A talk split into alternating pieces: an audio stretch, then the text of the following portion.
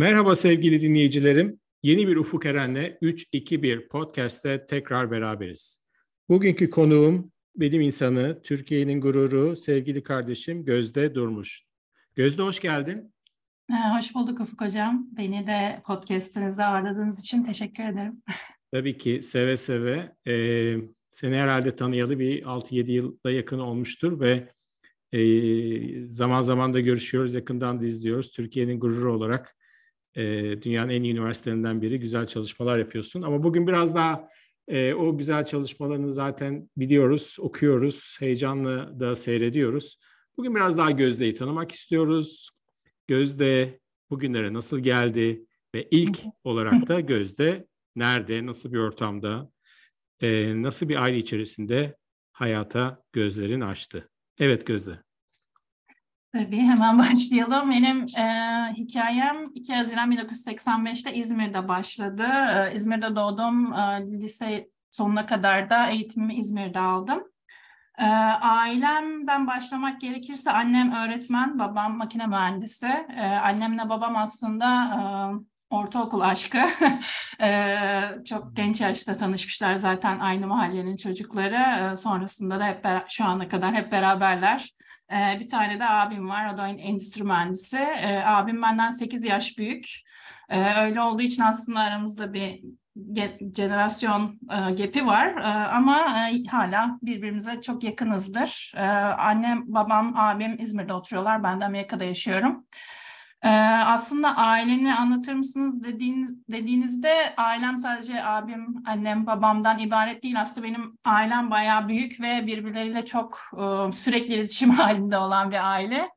Ee, çocukken bana babaannem ve dedem de baktı. Bizim bir aile apartmanımız var. Ee, dedemle babamın inşaatını yaptığı. Hmm. Hepimiz değişik katlardayız. Yani bu baba tarafımın bir apartmanı gibi düşünebilirsiniz. İşte bir katta babaannemler var, bir katta biz varız, bir katta amcamlar var. Diğer katlarda da işte kiracılar falan olan bir apartman. Öyle olunca da e, annemin ve babamın çalışmasından dolayı bana aslında genelde babaannem baktı. Buradan da tekrardan söyleyelim annem hep şey der Hani babaanneniz olmasaymış büyük ihtimal belki hani siz de büyüyemezdiniz bile. Çünkü hani bebek bakımı falan hep babaannemden gelen bilgiler. Ee, dedemin de çok üzerinde e, emeği var ikisinin de. Bu çok fazla anlatmadım herhalde e, diğer e, e, röportajlarda ama hani çocukluğumdan beri hem babaannem hem dedem bana çok emek verdi. Ee, okula götürüp getirdiler, bütün sınavlara götürüp getirdiler. Ee, ama tabii ki ilk öğretmenim annem. Kendisinin de öğretmen olmasından da kelli.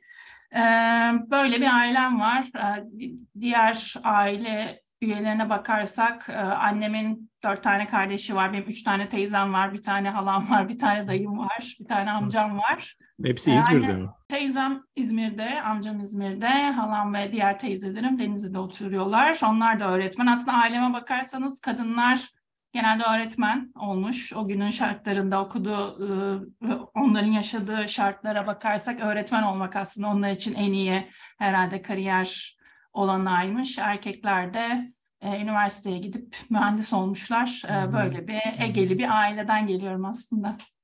Sonra ilkokul hepsi İzmir mi? İlkokul, ortaokul, lise? Evet, ilkokul, ortaokul, lise e, İzmir'de okudum. Sonrasında da ODTÜ'ye gittim. Ankara'ya taşındım 18 yaşında. Bir daha da hmm. eve geri dönmedim. 18'inde Ankara. Evet. E, ODTÜ'de ne okumuştun? Genetik mi okudun? ODTÜ'de moleküler biyoloji ve genetik okudum. Ee, aslında o da riskli bir karardı. Ee, Neden özellikle... evet onu seçtin? Neydi seni iten? Aslında belki hani çocukluğuma falan geri dönebiliriz bu karara beni iten e, şeyleri birazcık da aile ortamımı daha çok anlatmak için aslında benim e, bahsettiğim gibi ben ailenin en küçük çocuğuyum. Ee, kuzenlerimi falan da düşünürsek herkes benden bayağı büyük. Ee, ben aslında şey 3-4 e, yaşlarındayken en büyük kuzenim Ege Tıp Fakültesini kazanmıştı. Ee, tabii e, böyle bir annemler evde onu bir hoş geldin yemeği böyle kutlama yemeği gibi bir şeyler yapmışlardı. Ben de küçük çocuk olduğum için her zaman ilginin benim üstünde olmasına bayağı alışkınım. böyle bir kıskandım herhalde. Hani şey çünkü ilgi ona kaydı. Herkes onu tebrik ediyor falan. Ee, ben de demiştim sen ne olacaksın? İşte doktor olacağım falan dedi. Kaç ya yaşındaydın? O, zaman e, 4 yaşında falanım herhalde. Yani evet. böyle bayağı küçüğüm. Ee, sonrasında işte doktor olacağım falan. Sonrasında işte annem babam daha doktorluk çok önemli bir meslek. Ee, insanların hastaları iyileştiriyor falan anlatıyorlar bana doktor olmayı. Ne olacak ki ben de doktor olurum falan dedim. Hani ne var bunda falan. Hatta dok- doktor olursam da senin patronun olurum falan gibisinden bir şeyler dedim. Böyle ilgi çekmeye çalışıyorum. Annemler de dediler ki tamam hani Sar ablan doktor olur sen de onun profesörü olursun çok ileride falan diye benim öyle bir gaza getirmeye çalıştılar galiba. 4 yaşındaki olayın etkilemeye bak. evet. Ya annemle babam aslında benim doktor olmamı çok istiyorlardı. Belki biraz ilerleyen dönemlerde e, ben de küçükken doktor olmak istiyordum. E, aslında kuzenime olan Aslında bir nebze e, doktor, dok, yaptığın işin, yaptığın şeyin doktorluk yani aslında çok ciddi bir e, doktorluk Hı-hı. yapıyorsun sen doktorlara yardım ediyorum diyelim. Hani evet ama yani sağlığı iyileştirmek için yani doktorun misyona baktığın zaman e, canlının sağlığını iyileştirmek. Sen de ciddi yani anlamda doktor ama hasta görmeyen doktor evet. ya da hasta görmek istemeyen kısmındayım. Oradan aslında hani e, belki de benim bu konuyla çok ilgilenmemden dolayı biraz ilgimin de olduğunu annemler de anladı sanırım. Hani şey sağlıkla ilgili ya da biyolojiyle ilgili bir şeyler yapacağımı biraz biliyordum aslında. Ee, ve sanırım hani küçükken de ilgiliydim. Mesela işte kuzenim hafta sonları bize gelirdi. Ee, onun kitaplarını falan açıp bakardım yani öylesine bakardım bu neymiş. Anatomi kitaplarını falan hatırlıyorum. Çok merak ediyordum. Sonra o da çalışırken bana anlatırdı falan. Ee, öyle öyle aslında biraz biyolojiye olan ilgim e, ilerledi. Ee, sonrasında Okulda mesela... biyoloji dersleri nasıldı? İyiydi. İyiydi. Okulda biyoloji dersi. Aslında benim daha çok sayısal dersler hani hep biyoloji insanlar böyle ezberlediğin bir ders olarak hani sözel bir ders gibi sanıyorlar ama tabii işin içine girdiğinde öyle olmadığını çok kolay fark edebiliyorsun. Hani benim matematiğim, fiziğim, kimyam aslında daha iyiydi demeyeceğim ama onlarda daha kolay ya da daha böyle kısa sürede çalışıp bitirebiliyordum. Biyolojiyi tabii ki bir okumam, anlamam gerekiyordu ama hani hep sayısal, özellikle matematik kısmında daha bence iyiydim. Hani herkes böyle mühendis olacağım falan düşünmüştü ama o, o, o şeye de girmedim açıkçası. Hmm. Ee, ama hani dediğim gibi küçükken okurken e, Etrafımda hani abim de vardı, kuzenim de vardı. Onlar da hani mesela benden 8 yaş büyük, abim, kuzenim 7 yaş büyük. Hani onlar da böyle Ayşe dershaneye gidiyorlar, kitaplarda soru çözüyorlar falan. Bunlar neymiş falan hani ne, ne öğreniyorlar diye kendi çapımda acayip bir merakım vardı. Neden bilmiyorum. Ee, herhalde küçükken de evde oturmaktan da sıkılıyor muydum bilmiyorum ama hani mesela abimin İngilizce kitaplarını karıştırıyordum işte matematik kitaplarını karıştırıyordum hiçbir şey anlamıyordum ama bakıyordum. Ee, sonrasında dediğim gibi ilkokulu İzmir'de okudum. Ortaokulda bu 2000 senesinde bu genetiği değiştirilmiş koyun Dolly çıktı. Hatırlar mısınız? Hmm, evet, Ama evet. genetik mühendisliğinin aslında ilk bir e, uygulaması olarak düşünebiliriz. E, o, o zaman da aslında benim galiba kuzenimin öteki baba tarafından kuzeni sanırım üniversite sınavlarına falan hazırlanıyordu ve hep şey o da ODTÜ genetik ya da Bilkent genetik istiyordu. O zamanlar da hani annemler ağırsı çok yüksek puanla alıyor. Çünkü sadece 10 kişi falan alınıyordu sanırım bütün Türkiye'de. Bu genetik bölümlerin çok az evet. olduğu dönemeç. Ben de şey demiştim, aa işte o bölümler en yüksek bölümler mi? Tamam ben genetik okuyayım diye böyle bir kendi çapımda da bir gaza gelmiştim sanırım. Ee, sonrasında e, gerçekten hani burada anneme çok teşekkür etmem lazım. Ee, ilgimin olan alanları çok hani beni çok iyi tanıdığı için sanırım bir de çok zaman geçirdiğimiz için e, iyi tespit edebildiler. Hani biyoloji ilgim olduğunu gördüler. E, o alanda beni yönlendirdiler açıkçası. Hani tabii ki doktor olacağımı umut ederek yönlendirdiler. E, sonrasında ben bu genetikle ilgili yine kendi çapımda çok fazla okudum. E, bu TÜBİTAK'ın o zaman bilim ve çocuk dergileri falan vardı. Evet. E, oralarda çok fazla bu genetikle ilgili yazılar çıkıyordu. E, sonrasında da kendim hani gidip kitapçıya gidip bu konuda bir sürü kitap e, aldım ettim. E, ama hani e, derslerim iyiydi. Bu üniversiteye hazırlık döneminde de bayağı hani İzmir'de falan hı hı. bayağı iyi, iyi dereceler, iyi puanlar alıyordum açıkçası. Ee, o zaman hani öğretmenlerimin aslında daha çok e, bana verdiği ve aileme verdiği feedback hani genetik tamam güzel bir alan ama hani Türkiye'de o dönemeçte hiç olmayan bir alanda açıkçası. Ee, hani bu çocuk iyi bir puan alıyor, puanla ve bu kadar emeğine yazık olacak. İşte işsiz kalacak, sonrasında mutsuz olacak. Hani 22 yaşında işsiz olacak ama potansiyeli olan potansiyeli olan bir çocuk e, gibisinden konuşuyorlardı. Ailem de aynı şekilde hani git doktor ol, çok araştırma yapıp genetikçi olmak istiyorsan sonrasında yaparsın demişti bana. Ama sanırım o, o dönem işte bunu çok fazla dediler. İşte doktor ol, doktor ol, doktor. Hatta babam benim beyin cerrahı olmamı istiyordu ama hani bir ben de öyle bir cerrah olacak hani bir el becerim tabii ki laboratuvarda işte alet edevat yapacak kadar var ama hani bir cerrahi bir müdahale yapacak kadar bir el becerim yok. Aslında biraz kendimi de iyi tanımaktan dolayı e, dedim ben bunu yapamam. Hani belki iyi bir doktor olabilirim ama cerrah kesinlikle olamam. E, sonrasında da aslında ben küçükken böyle hastanelerde çok fazla zamanım geçti. E, böyle ilkokul döneminde bu idrar yolları enfeksiyonundan çok fazla hani Hı-hı. hastaneye gitmek zorunda kaldım. Hı-hı. O dönemeçte de dedim yani bu kadar bir 4-5 sene hastanede geçti açıkçası sürekli işte kan veriyorsun, e, antibiyotik alıyorsun, doktorlarla konuşuyorsun. Dedim ki ben hani hastane ortamına girmek istemiyorum. E, ama bir şekilde hastalara yardımcı olacağım, başka bir alanda çalışmak istiyorum. E, o dönemeçte de ODTÜ genetiği seçmek istedim. Hatta son geceye kadar e, e tercih belgelerim bir doldurmadık.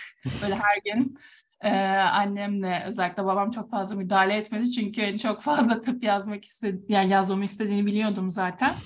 Ee, son geceye kadar annem dedi ki artık yap şu tercihlerini ne istiyorsan da yaz. Hani genetiği başa yazdım. Sonra da işte bu tıp fakültelerine hani gir yani e, hepsini yazdım. Hani tıp yazmış olmak için ama tabii ki e, ODTÜ'yü yazdığım için direkt oraya gidecektim. E, sonra yani dediler git bir bak gör. E, mutlu olmazsan ya da yapamayacağını düşünürsen zaten iyi bir puan almıştım. Sonra hani bir yer yatay geçiş ya da başka bir bölüme geçersin, mühendisliğe geçersin şeklinde bir başlangıçla ODTÜ'ye de girdim. Girdin. E, ODTÜ'de de eğitimimi aldım.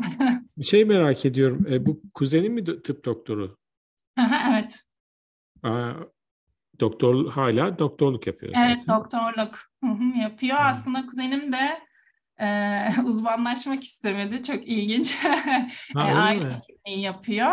E, hatta bizim bir hayalimiz var. Benim burada geliştirdiğim bir tane aleti böyle portable aletler yapmaya çalışıyorum.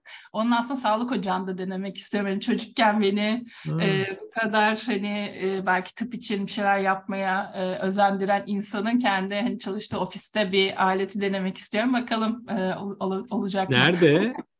E, kuzenim Denizli'de çalışıyor. Gümüşler Sağlık Ocağı'nda. Hani çok e, değişik bir popülasyonun olduğu, hani gerçekten e, doktorlara da buradan saygılarımı sunuyorum. Hani hmm. Hani günde ben sabah ne zaman yanına gitsem sabahtan öğle tatiline kadar bir 100-200 hasta görüyor sanırım. Çok zor bir meslek. Zaten Doğru. ben küçükken de aslında yaz tatillerimde aralarda onun yanına giderdim. Bu zorunlu hizmetini yaparken yine bir sağlık ocağında hmm. çalışıyordu.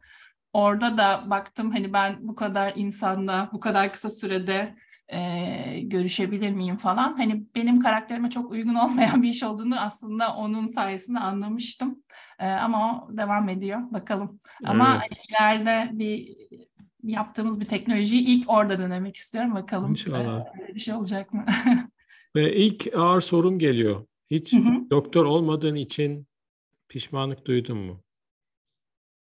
Güzel bir soru. Doktor olmadığım için pişmanlık duymadım aslında. Çünkü benim yapmak istediğim şey hani genel geçer bir teknoloji yapayım ya da ne bileyim bir tedavi yapayım ee, sonrasında doktorlara yardımcı olayım gibi bir e, amacım var. Ama tabii ki e, bazen fark ediyorum ki özellikle kendi ailemde bu bazı hastalıklar olduğu zaman diyorum ki keşke doktor olsaymışım. Hani belki ben tedavi edebilirdim ya da belki ben bir e, çözüm bulabilir miydim dediğim son iki senede oldu ama tabii ki hani sonuçta tıbbın da yapabileceği şeyler sınırlı.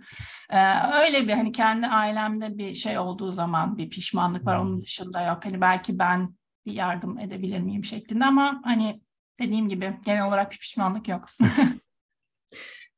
e, Gözde şu an belki ondan fazla podcast yaptım ve yaptığım podcastler genellikle de e, şu an bulundukları pozisyon gereği e, başarılı kişiler ve şunu gördüm belki bunların yüzde sekseninin ya annesi ya babası ya da iki anne ve babası da hı hı. E, öğretmen. Evet, öğretmen çocuğu olmak da zor. Yani e, ne diyorsun? Yani muhakkak bir öğretmen çocuğu olmak bir acayip bir e, şey bence e, kaldıraç etkisi başarıda. Ee, olabilir. Ee, yani öğretmen çocuğu olmak zor. Buradan da hani tekrardan anlatayım mesela. Özellikle bence ilkokulda çok zor. Çünkü hani e, bir başarınız olduğunda falan hani kendiniz çok çalışmışsınız, yapmışsınız. Aa işte onun annesi öğretmen zaten hani bilecek ya da işte annesi yardım ediyordur, gece çalıştırıyordur, ödevini yapıyordur falan çok derler mesela. Ee, ya da zaten senin işte annen ya da baban öğretmen, yol gösterenin çok ama hani e, ben hayatıma baktığımda benim dedem de öğretmen mesela hani e, sonuçta belki şey oluyor hani neler yapılması gerektiğini belki biliyorlar. Birazcık hani yol gösterme açısından biraz belki avantajlı başlayabiliyoruz bence. Ama öğretmen çocuğu olmanın da hani psikolojik olarak zorlukları var. Çünkü hani benim annemin e, hep söylediği şey hani ya da bana e, ilettiği mesaj hani sen iyisin, benim senden iyi beklentilerim var. E, bunları yapman gerekiyor gibi aslında hani şey kendi öğrencilerinde gördüğü başkalarının yapamadığı şeyler abi benim çocuğum yapacak şeklinde bir hani kafa yapısında da oluyorlar. Ee, ama dediğim gibi benim annem benim için iyi bir öğretmendi. Ee, e, benim ilgi alanlarımı bence iyi tespit edebildiler ve yönlendirebildiler ve mesela Hani anneme baktığım zaman dediğim gibi öğretmen olmuş. Belki annem de doktor ya da ne bileyim bilim insanı olmak istiyordu. Çünkü benim annem çok meraklı bir insandır. Mesela bir şeyi merak eder Google'a yazar her şeyi öğrenir bir iki saatte. Öyle bir hani karakteri var. Hani belki onun elinde benim elimde olan olanaklar olsaydı ben hep şey derim sen ordinaryus profesör olurdun. Hani o annemin de biraz kendi kişiliğinden e, ötürü sanırım. Benim de kendi ilgi alanlarımı ya da yeteneklerimi bulmam için gerçekten çalıştı. Mesela ben İzmir'de küçükken ilkokulda hatırlıyorum beni devlet konservatuar sınavlarına götürdüler. İşte bu tiyatro, müzik, e, müziğe hiç yeteneğim yok. Zaten beni direkt salondan çıkardılar. Tamam teşekkür ederiz diye ama tiyatroya biraz hani yeteneğim vardı. Seçilmiştim mesela. Evet, bravo. ya da işte spor. Hani değişik alanlara olan ilgimi keşfetmeme de e, yardımcı oldular. Ama tabii ki Hani onları hobi olarak yap, hani eğitimini sürdür şeklinde de hep feedback veriyorlardı. Ama dediğim gibi öğretmen çocuğu olmak avantajlı görünse de psikolojik olarak da bazı e, size getirilen hani iyi olmak zorundasın gibi bir evet, evet. E, baskı oluyor. Biliyorum benim annem de öğretmen dermiş. Doğru. şey e, bu bahsettiğin e, hobiler e, sonra ne oldu? Bu e, devam ediyor mu? Ya, ya hobi olarak devam ediyor evet. Ee, bu hatta pişmanlık pişmanlıkları da belki soracaksınız da ya da belki bazı şeyleri daha nasıl değişik yapardım. Aslında evet, ben küçükken bunu da çok fazla bilmiyorum. Yani bu podcast'te de yeni bir şeyler söylemiş olmak için. Ee, ben küçükken tenisi çok seviyordum. Böyle hmm. bir e, bu 1990'ların başı bu Steffi Graf'ın, Andre Agassi'nin, Steffi Graf'ın evet, Steffi Graf olduğu zamanlar falan hani oturup sürekli tenis maçı izliyordum açıkçası bu Grand Slam turnuvaları ama tabii ne anlayacağım yani. Ee, ama bayağı da izlediğim için artık kendi çapımda kuralları falan anlamaya başladım. Ee, ve özeniyordum açıkçası. Tenis oynamak istiyordum ama tabii benim çocukluğumda hani tenisle ilgili Türkiye'de de çok bir olanak yoktu zaten ama Yine annem sağ olsun bu ilkokul 2'de galiba yaz tatilinde dediler sen tenis izlemeyi çok seviyorsun seni tenis kursuna gönderelim. Ee, gittim. Ee, orada da hatta Almanya'dan Türk olan bir koçumuz vardı bizim yani öğretmenimiz. Ee, sonrasında benim yaş, yaş grubundaki çocuklarım öyle ilgisi olmadı herhalde. Ben son ayda büyüklerle oynamaya başladım. Ee, sonrasında dediler ki hani iyi oynuyorsun sen, sen devam et. Ee, yine devam ettim. Sonrasında da bu dördüncü sınıf, beşinci sınıf dönemi işte bu Anadolu sınavına girme dönemeci. Hmm.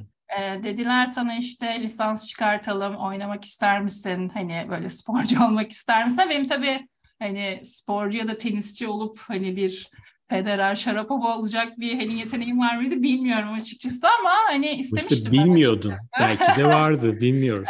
Ee, ama hani Türkiye'deki olanaklar zaten tenis kendi çapında pahalı bir spor. O zamanlar şimdi de hala öyle ama o zamanlar daha da tabii ki pahalıydı.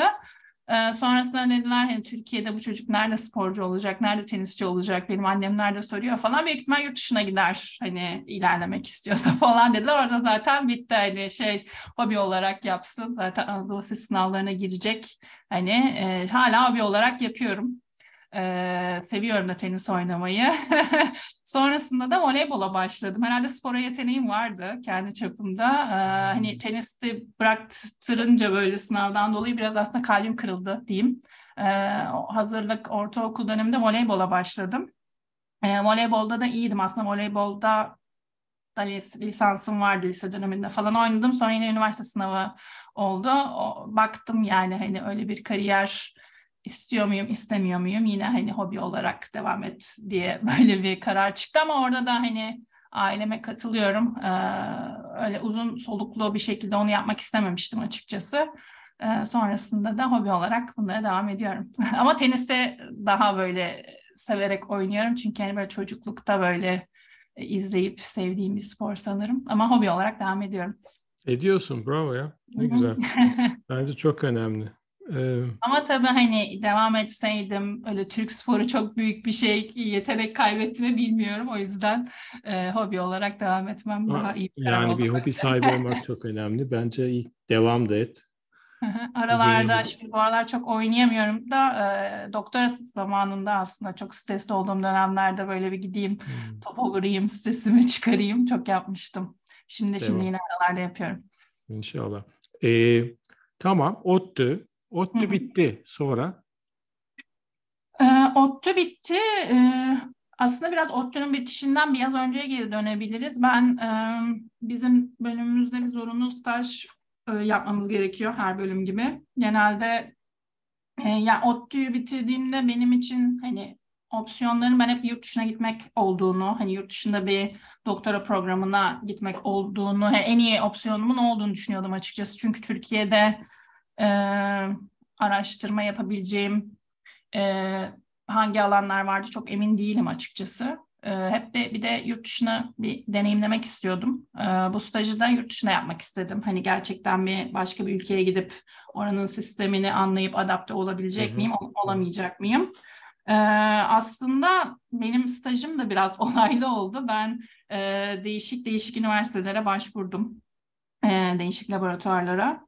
E, sonrasında ben aslında Boston'a gidecektim. Bu Tufts Üniversitesi'nde bir e, ünlü bir hocanın laba e, bu e, şey ipek tellerinden biyomateryaller yapıyorlardı. E, o, o alanda da zaten biyomateryal alanında e, bayağı ünlü bir hoca. Ben hani çok ünlü falan olduğunu bilmeden hani ilgimi çektiği için yazmıştım. Hatta benim ODTÜ'de beraber çalıştığım hocanın da arkadaşı falan çıktı. Ben bunları hiç bilmiyordum. Böyle tamamen tesadüfi bir şekilde e-mail atmıştım. O da hatta bana şey demişti. Sen hani yaz için gel sonra hatta belki işte öteki dönem bu Tufts Üniversitesi'ne transfer olursun. Hani exchange olarak gelirsin falan. Aa iyi dedim. Hani böyle bir değişik bir olanak çıkacak önümde. Ee, ben işte ODTÜ Haziran ayında kapanıyor. Nisan ayında falan staja gideceğim, Boston'a gideceğim e, şeklinde bütün planlarımı yaptım. Biletlerim alındı. Hatta hatırlıyorum 14 Haziran'da Boston'a biletim var. Ee, sonrasında bu ODTÜ bahar şenlikleri olur her Mayıs ortasında falan. Hani hayat benim için çok güzel şenlikler var işte bir ay sonra Amerika'ya gidiyorum falan diye düşünüyorum. Sonra şenliklerin ilk günü bana bir e-mail geldi. Ee, dedik ki hani kusura bakma hani staja hani laba gelemezsin. Ee, iz, gerekli izinleri alacak kadar süremiz kalmadı. Ee, ama hani turist olarak gelebilirsin. Haftanın bir, bir saati ben seninle birebir toplantı yaparım bir projeyle. Hani bir proje e, planları. Sen Türkiye'de geri döndüğünde o projeyi yaparsın. Böyle bir staj olur dedi bana. Ben de dedim ki hani e, benim oraya gidip deneyim kazanmam lazım. Hani birebir bir saat toplantıyla o deneyimi kazanmam mümkün değil ki zaten bölümüm benden bir araştırma projesi yapmamı istiyor. Hani orada bütün zaten hayallerim yıkıldı. Bütün hafta sonu ağladım böyle sinirimden. Böyle gözlerim şişik. Pazartesi sabahı ODTÜ'deki hocamın yanına gittim. O da dedi ki ne oldu sana? Hani şenlikler menlikler var. Mutlu bir zaman bu e, okulda. Senin niye gözlerin şişik falan anlattım. E, o da dedi ki tamam hani bir biletin var. Boston'a gideceksin. e, en azından bir biletin var. Git başka hocalara yaz dedi. Yani sen hemen git bulabildiğin aslında kim varsa e-mail at. Birkaç, biraz uğraş sonra belki ben yardımcı olabilirim dedi. Ben de tamam gittim. Ee, e-mail atıyorum ama tabii bir 10 gün sonra geleceğim ben lavınızda yer var mı dediğiniz zaman hiçbir hoca sizi almaz yani. Ee, sonrasında ama hani biraz şans kadar e, o, e, o, o yaz tam laboratuvarını açacak e, genç bir hocaya denk geldim. Bu Ali Kaddem Hüseyin şu anda da çok ünlü bir profesör alanda. E, o dedi ki tamam gel. Zaten hani her şeyim var. E, 2007 2006'nın Haziran 14 Haziran'da ben Amerika'ya Ali Kaddem Hüseyin'in laboratuvarına gittim. Aslında bu benim hani hayatımda önemli bir mihenk taşı. Hani hmm. e, çünkü Harvard'da ya da MIT Harvard'da MIT'nin ortak bir programıydı bu gittiğim e, bölüm. Hani iki okulda da gidip böyle staj yapacağımı falan hiç hayal etmemiştim açıkçası. Hani o açıdan e, mihenk taşı oldu. E, bir de gittiğim laboratuvar doku mühendisliği laboratuvarıydı.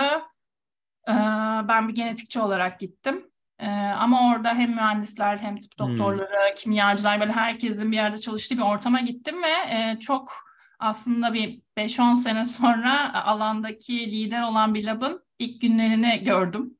E, o laba katılan ilk öğrencilerden bir tanesiyim. E, o açıdan da hani benim şu anda kariyerim için kendi laboratuvarımı kurarken de e, hala hatırladığım şeyler oluyor. E, iyi bir deneyim oldu. Hani zor oldu üç ay. Bunu nerede? Hangisi bu gözde? Hangi üniversite? Bu HST programı var Harvard MIT Health Sciences and Technology diye. Ben. E, oraya gittim. Hani Brigham and Women's Hospital üzerinden e, hmm. gittiğim bir şeydi. Tabii Harvard affiliated oldum. Hani aslında hem hastaneyi hem üniversiteyi hem MIT kampüsünü her şeyi görmüş oldum aslında bu Boston'daki e, o akademik çevreyi gördüm ve işlerin ne kadar e, hızlı gittiğini, e, proje olduğu zaman, bir fikir olduğu zaman çok çabuk yapmam gerektiğini falan da ben hep Ali'den öğrendim. E, Orada aslında biraz zorlandım çünkü hani Türkiye'de de bir laboratuvarda çalışıyordum ben ama genelde hani hocamla mesela bazı şeyleri kararlaştırıyorduk. Ee, hocamın onayını alıyordum sonra ben yapıyordum. Ee, orada ilk gittiğimde hani projem bu ne yaparsan yap hani bütün kararlar senin gibisinde gibisinden bir anlayış vardı. Ee, ona tabii ki bir üçüncü sınıf öğrencisi ve o alanla ilgili hiçbir e, bilgim, yeteneğim, fikrim yok. E, her şeyi bana teslim ettiler, bana güvendiler. E, tabii ki zorlandım ama o üç ay benim için iyi oldu. Hem Amerikan kültürüne biraz alıştım hem o yüksek stresli e, akademik e, ortamı öğrendim. E, sonrasında üç aydan sonra e, Türkiye'ye geldiğimde ben o Fulbright bursuna da başvurmuştum. E, Fulbright bursunun mülakatları oldu. Hatta uçaktan indim Ankara'ya gittim. Fulbright bursunun mülakatına girdim. Hmm. e, sonra Fulbright bursunu kazandım. E, aslında benim için çok büyük bir fırsat oldu. Çünkü bu Harvard'da geçirdiğim dönemeçte ben aslında sadece genetik yapmak istemediğimi fark ettim. Böyle değişik özellikle mühendislik demiştim ya biraz sayısal yeteneğim de daha fazla ya da ilgim.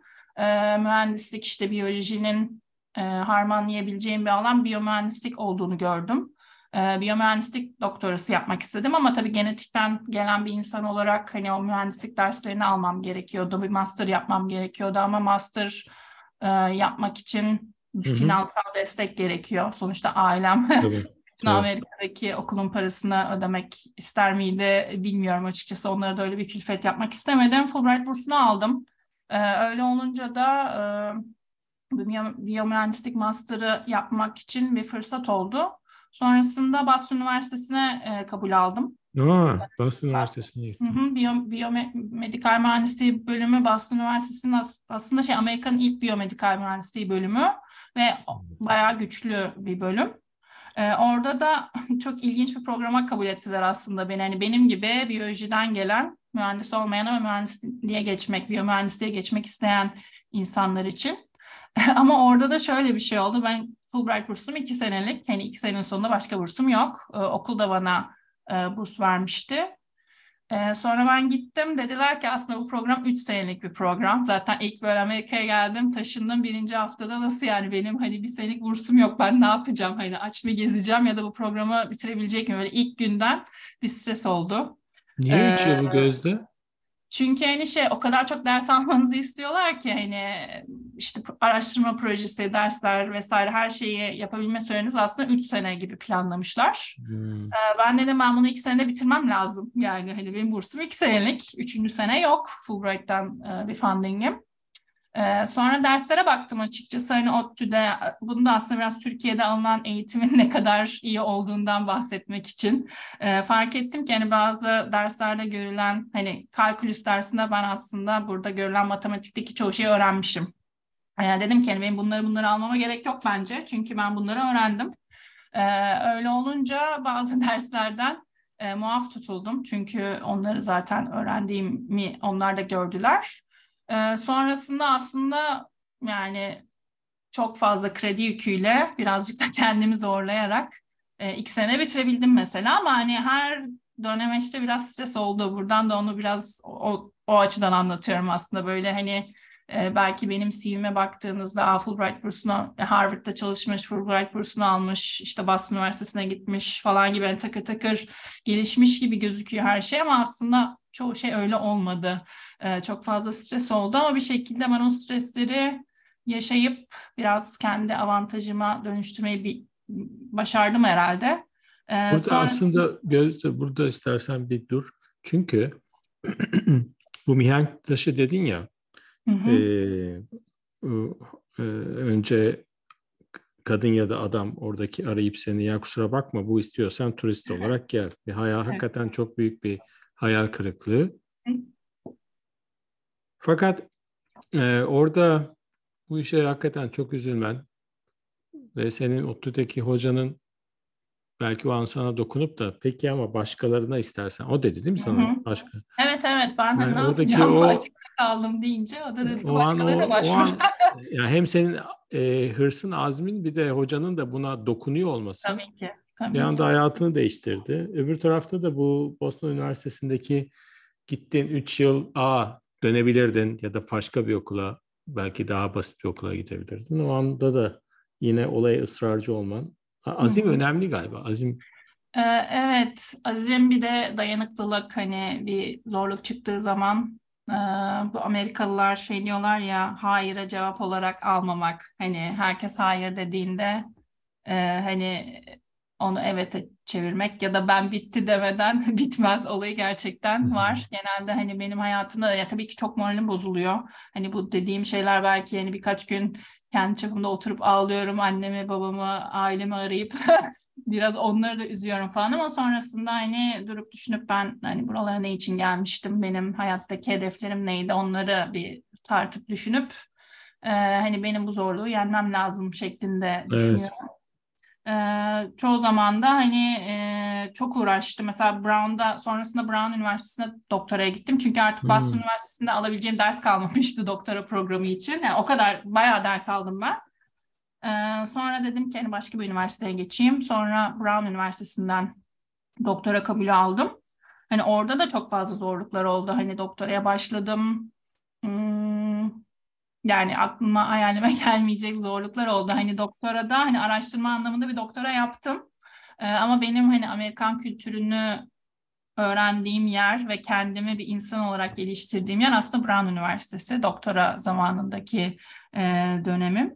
Orada da hani e, hiçbir zaman pes etmemem gerektiğini ve hayır cevabını hiçbir zaman duymamam gerektiğini mesela ben Brown'da öğrendim. Hani bir yıldaki zamanım hani üç seneye iki seneye düşürmek daha kolaydı hani e, derslerden dolayı ama öteki tarafta hem insan ilişkileri hani insan boyutu bu soft skills dediğimiz şeyleri de aslında ben Brown'da e, geliştirdiğimi düşünüyorum. Doğru. Peki e, bir iki örnek paylaşsana yani ne oldu? Tabii yani aslında Pes hocam Hep böyle acıların çocuğuymuşum gibi olacak ama aslında öyle bir acıların çocuğu olduğum bir dönemeç oldu. Ee, çünkü ben Brown'da e, ikinci senemin sonunda e, çok iyi yani hayatımın en güzel dönemlerinden birisini geçiriyordum diyebilirim. Özellikle doktora zamanında işte makalem çıkmış, e, doktora yeterliklerini geçmişim, işte konferanslara gidiyorum falan hani bir doktor öğrencisinin hayatında geldiği bir belli bir dönemece gelmiştim. İyi, iyi gittiğimi düşünüyordum. Sonra bir gün e, hocam beni ofisine çağırdı. Dedi ki ben başka bir okula geçiyorum. Hani çok güzel bir teklif aldım. Ben gidiyorum öteki ay dedi. Hani kimseye de bunu söyleme. Hani kendisiyle beraber gelmesini istediği öğrencilere sanırım söylüyordu. Ee, ama zaten hani benim de böyle ikinci sene, iki, iki buçuğuncu sene falan hani doktorayı biraz daha hani çalışsam bitirebileceğim bir döneme hiç hani başka bir okula geçmek istemiyorum açıkçası. Ee, ve aslında bize Brown'da bir kabul aldığınız zaman söylenen şey beş sene garantili e, burs. Ee, böyle bir kağıt dokümanda imzalamışız biz. Hani beş sene benim bursum var. Hani bu okulda kalıyorum gibi biliyorum ben. E, sonrasında bize dediler ki size burs yok. E, tamam hani iyi bir progresiniz var ama hani hocanıza gitmek zorundasınız ya da hani hocanız gittiği için doktora programından hani yeni bir hoca olmayacağı için doktorayı bırakmanız lazım falan dediler. E, ben de dedim ki durun yani hani doktorayı ben burada yapmak hani burada bitirmek istiyorum. Ee, o zaman belki başka bir hoca bulmaya çalışabilirsin dediler. Ama bütün hocalarla konuşuyorum. Kimse almak istemiyor tabii ki yeni bir öğrenci, yeni bir finansal kendi üzerlerine yük. Ee, sonrasında tabii böyle bir açıkta kaldık gibi bir şey oldu. Bizim labımız bir de çok büyüktü, 30 kişiydik. Ee, bazı insanlar hocayla gitmeyi hani şey yaptılar, tercih ettiler. Çok uğraşmadılar açıkçası. Bazıları da masterlarını alıp tamam ben hani okul değiştirmek istemiyorum master'ımı verin bana ben gideyim buradan dedi.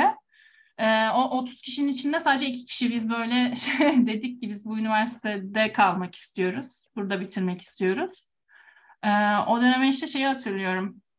Çok fazla dekanla falan ben birebir böyle ofisine falan gidip yani Amerika'da bir dekanın ofisine gitmek falan zor şeyler. Çünkü hani dekanı zaten ofisinde bulamazsınız ama ben öyle hani e, bir gün bir en yakın arkadaşımla işte konuşuyorum falan dedik ki kızım hani sen Amerika'ya doktora yapmaya gittin. Ee, bak yani bu olaylara e, test edersen doktoradan da kalacaksın. Böyle hani hedefinden e, hedefini yapamamış olacaksın. Bence kendine gel ve git araştır bir kendi, kendine gel silkin falan dedi. Ben de öyle bir gazla aslında o sabah gittim bu dekanlığa gittim. Dedim ben dekanla konuşmak istiyorum. Benim bir problemim var. Ama böyle şeyler Amerika'da olan şeyler değil aslında. Evet. Ee, dediler tamam seninle bir toplantı ayarlayacağız ama hani en erken öteki ay falan olabilir. Dedim olmaz hani bugün olması lazım. Çünkü benim hani bir karar vermem gerekiyor falan.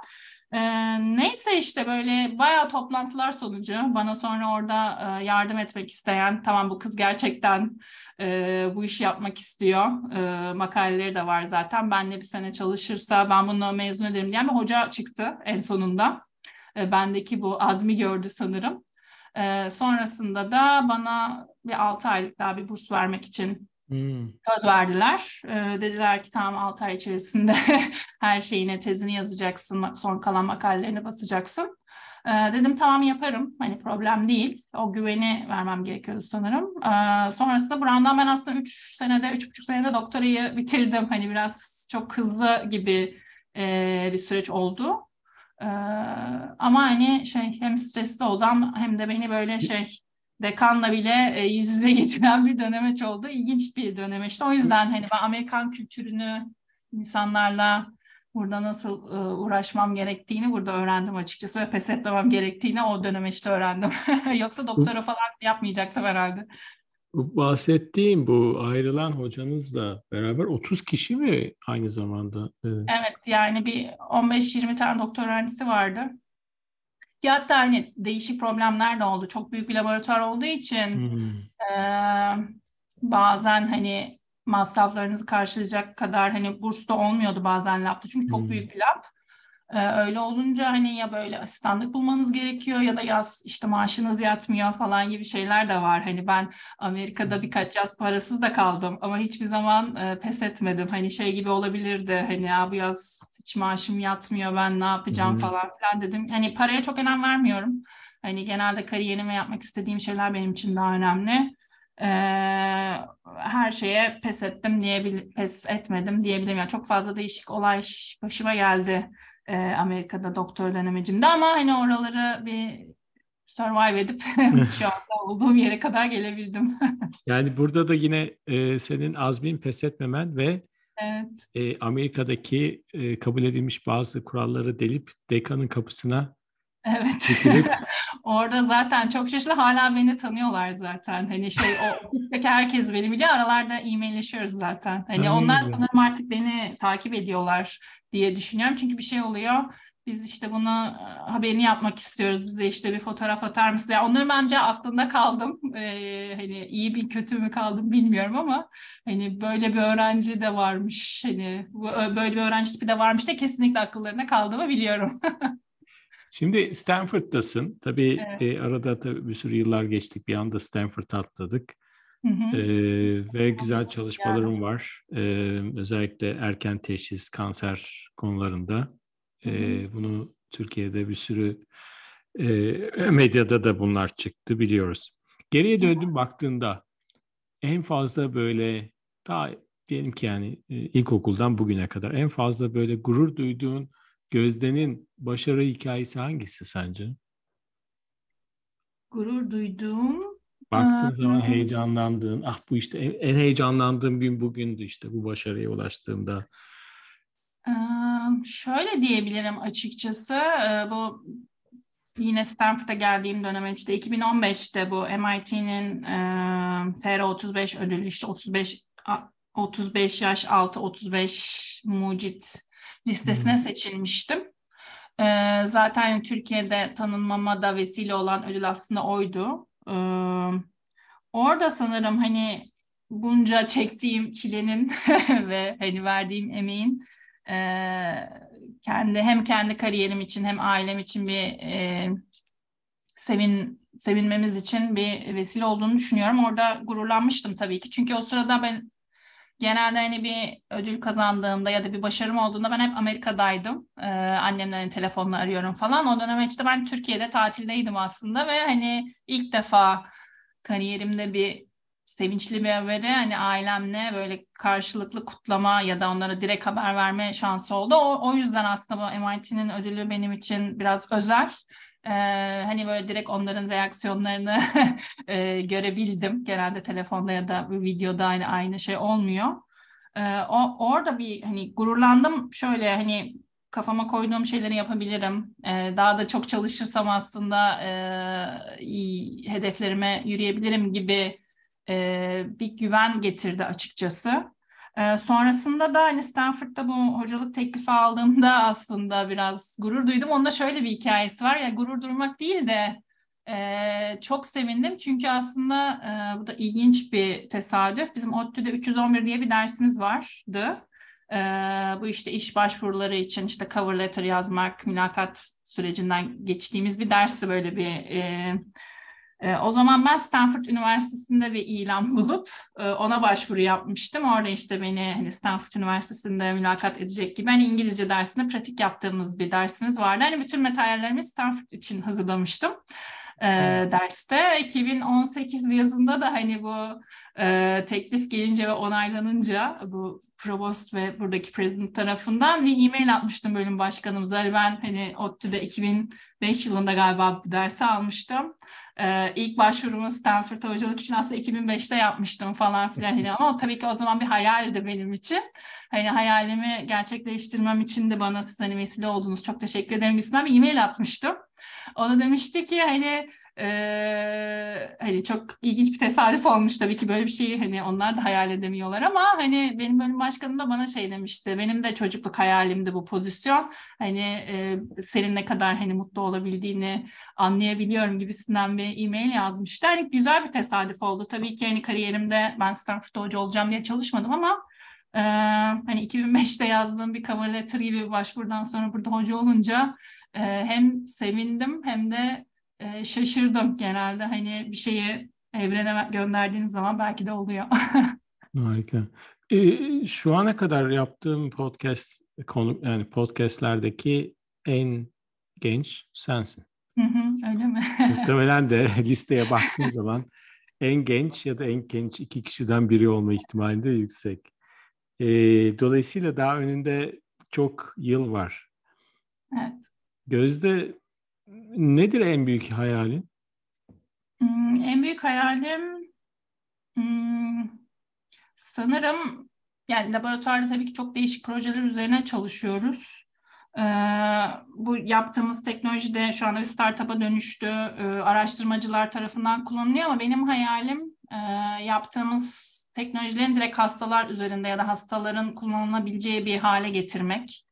Ee, ve hani bu kanser alanında olabilir ya da bu başka hastalıklar da olabilir. Ee, gerçekten bir hastalığın tedavisini ya da teşhisini değiştirecek bir teknoloji ya da bir test yapmak istiyorum. Daha e, dediğiniz gibi hani çok önümde uzun seneler var. Hani şu anda belki biraz temel taşlarını e, oluşturuyoruz ama daha o, o, orada değilim.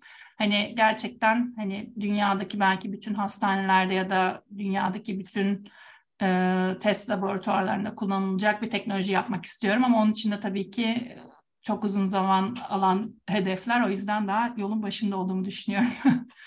Buna eminim.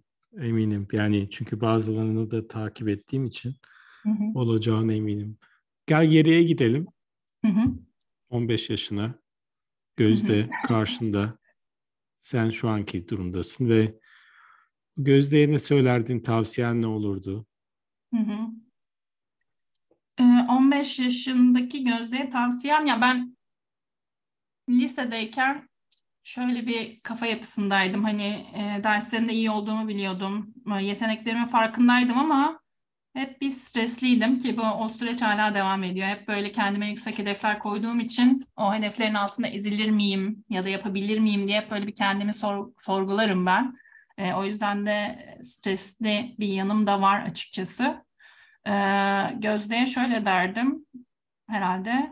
E, çalışmaya devam et. Hani bildiğin yoldan e, vazgeçme ve kendine daha çok güven. E, çünkü çok çalışırsan ve pes etmezsen hedeflerini başarabilirsin. Aslında sen yani bunu zaten yapmışsın ama benim evet. anladığım kadarıyla belki biraz daha şöyle mi der demek istiyorsun? Yani bu şeyini kaybetme. yani şu güven ve rahat olma arasındaki evet, dengeyi evet. kur. Ve bence Bazen o denge biraz hani e, küçükken de bu annemle falan da konuşuyorduk. Bu kız çocuklarında falan var bence. Ben bunu erkek çocuklarında pek görmüyorum. Yani görmedim de etrafımdaki özellikle bu lisede, ortaokuldaki kendi erkek arkadaşlarıma falan da bakıyorum da hep benim şey vardı. Sınavda birinci olurdum. Ama hani bir sınava girerken anne ben yapabilir miyim bunların hepsini falan gibi böyle bir hep böyle birisinin beni tamam yaparsın hani çok çalıştın çok iyisin falan deyip böyle bir e, sakinleştirmesi falan gerekiyordu sanırım. Hani o özgüven eksikliğinden değil de çok fazla hani stres ya da kendime koyduğum hani barın çok yüksek olması belki.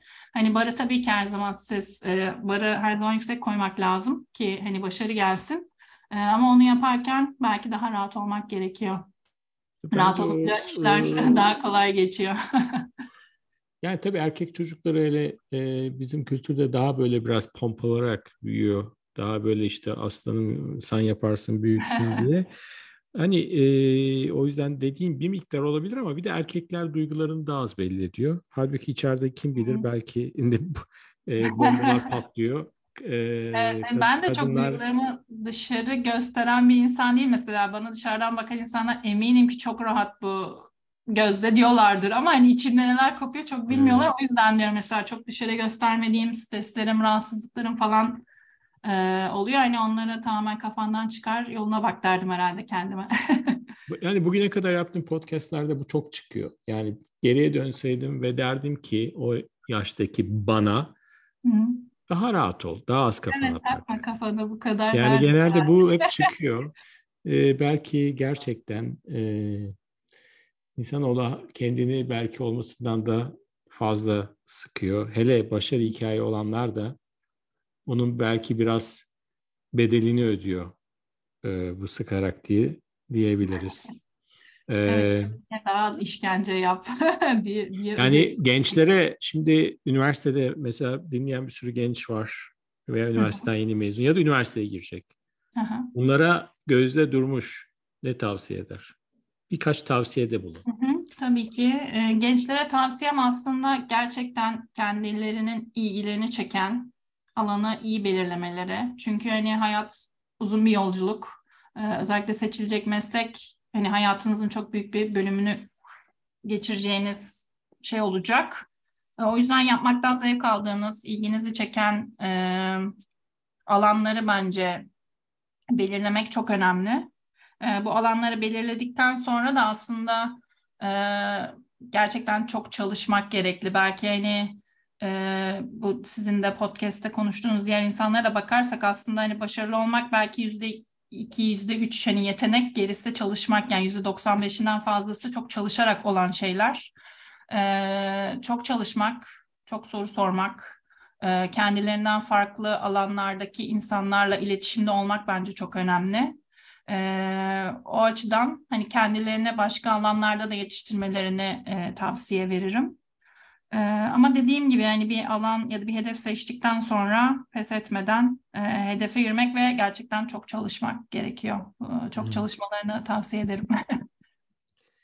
e, son bir sorum var Gözde.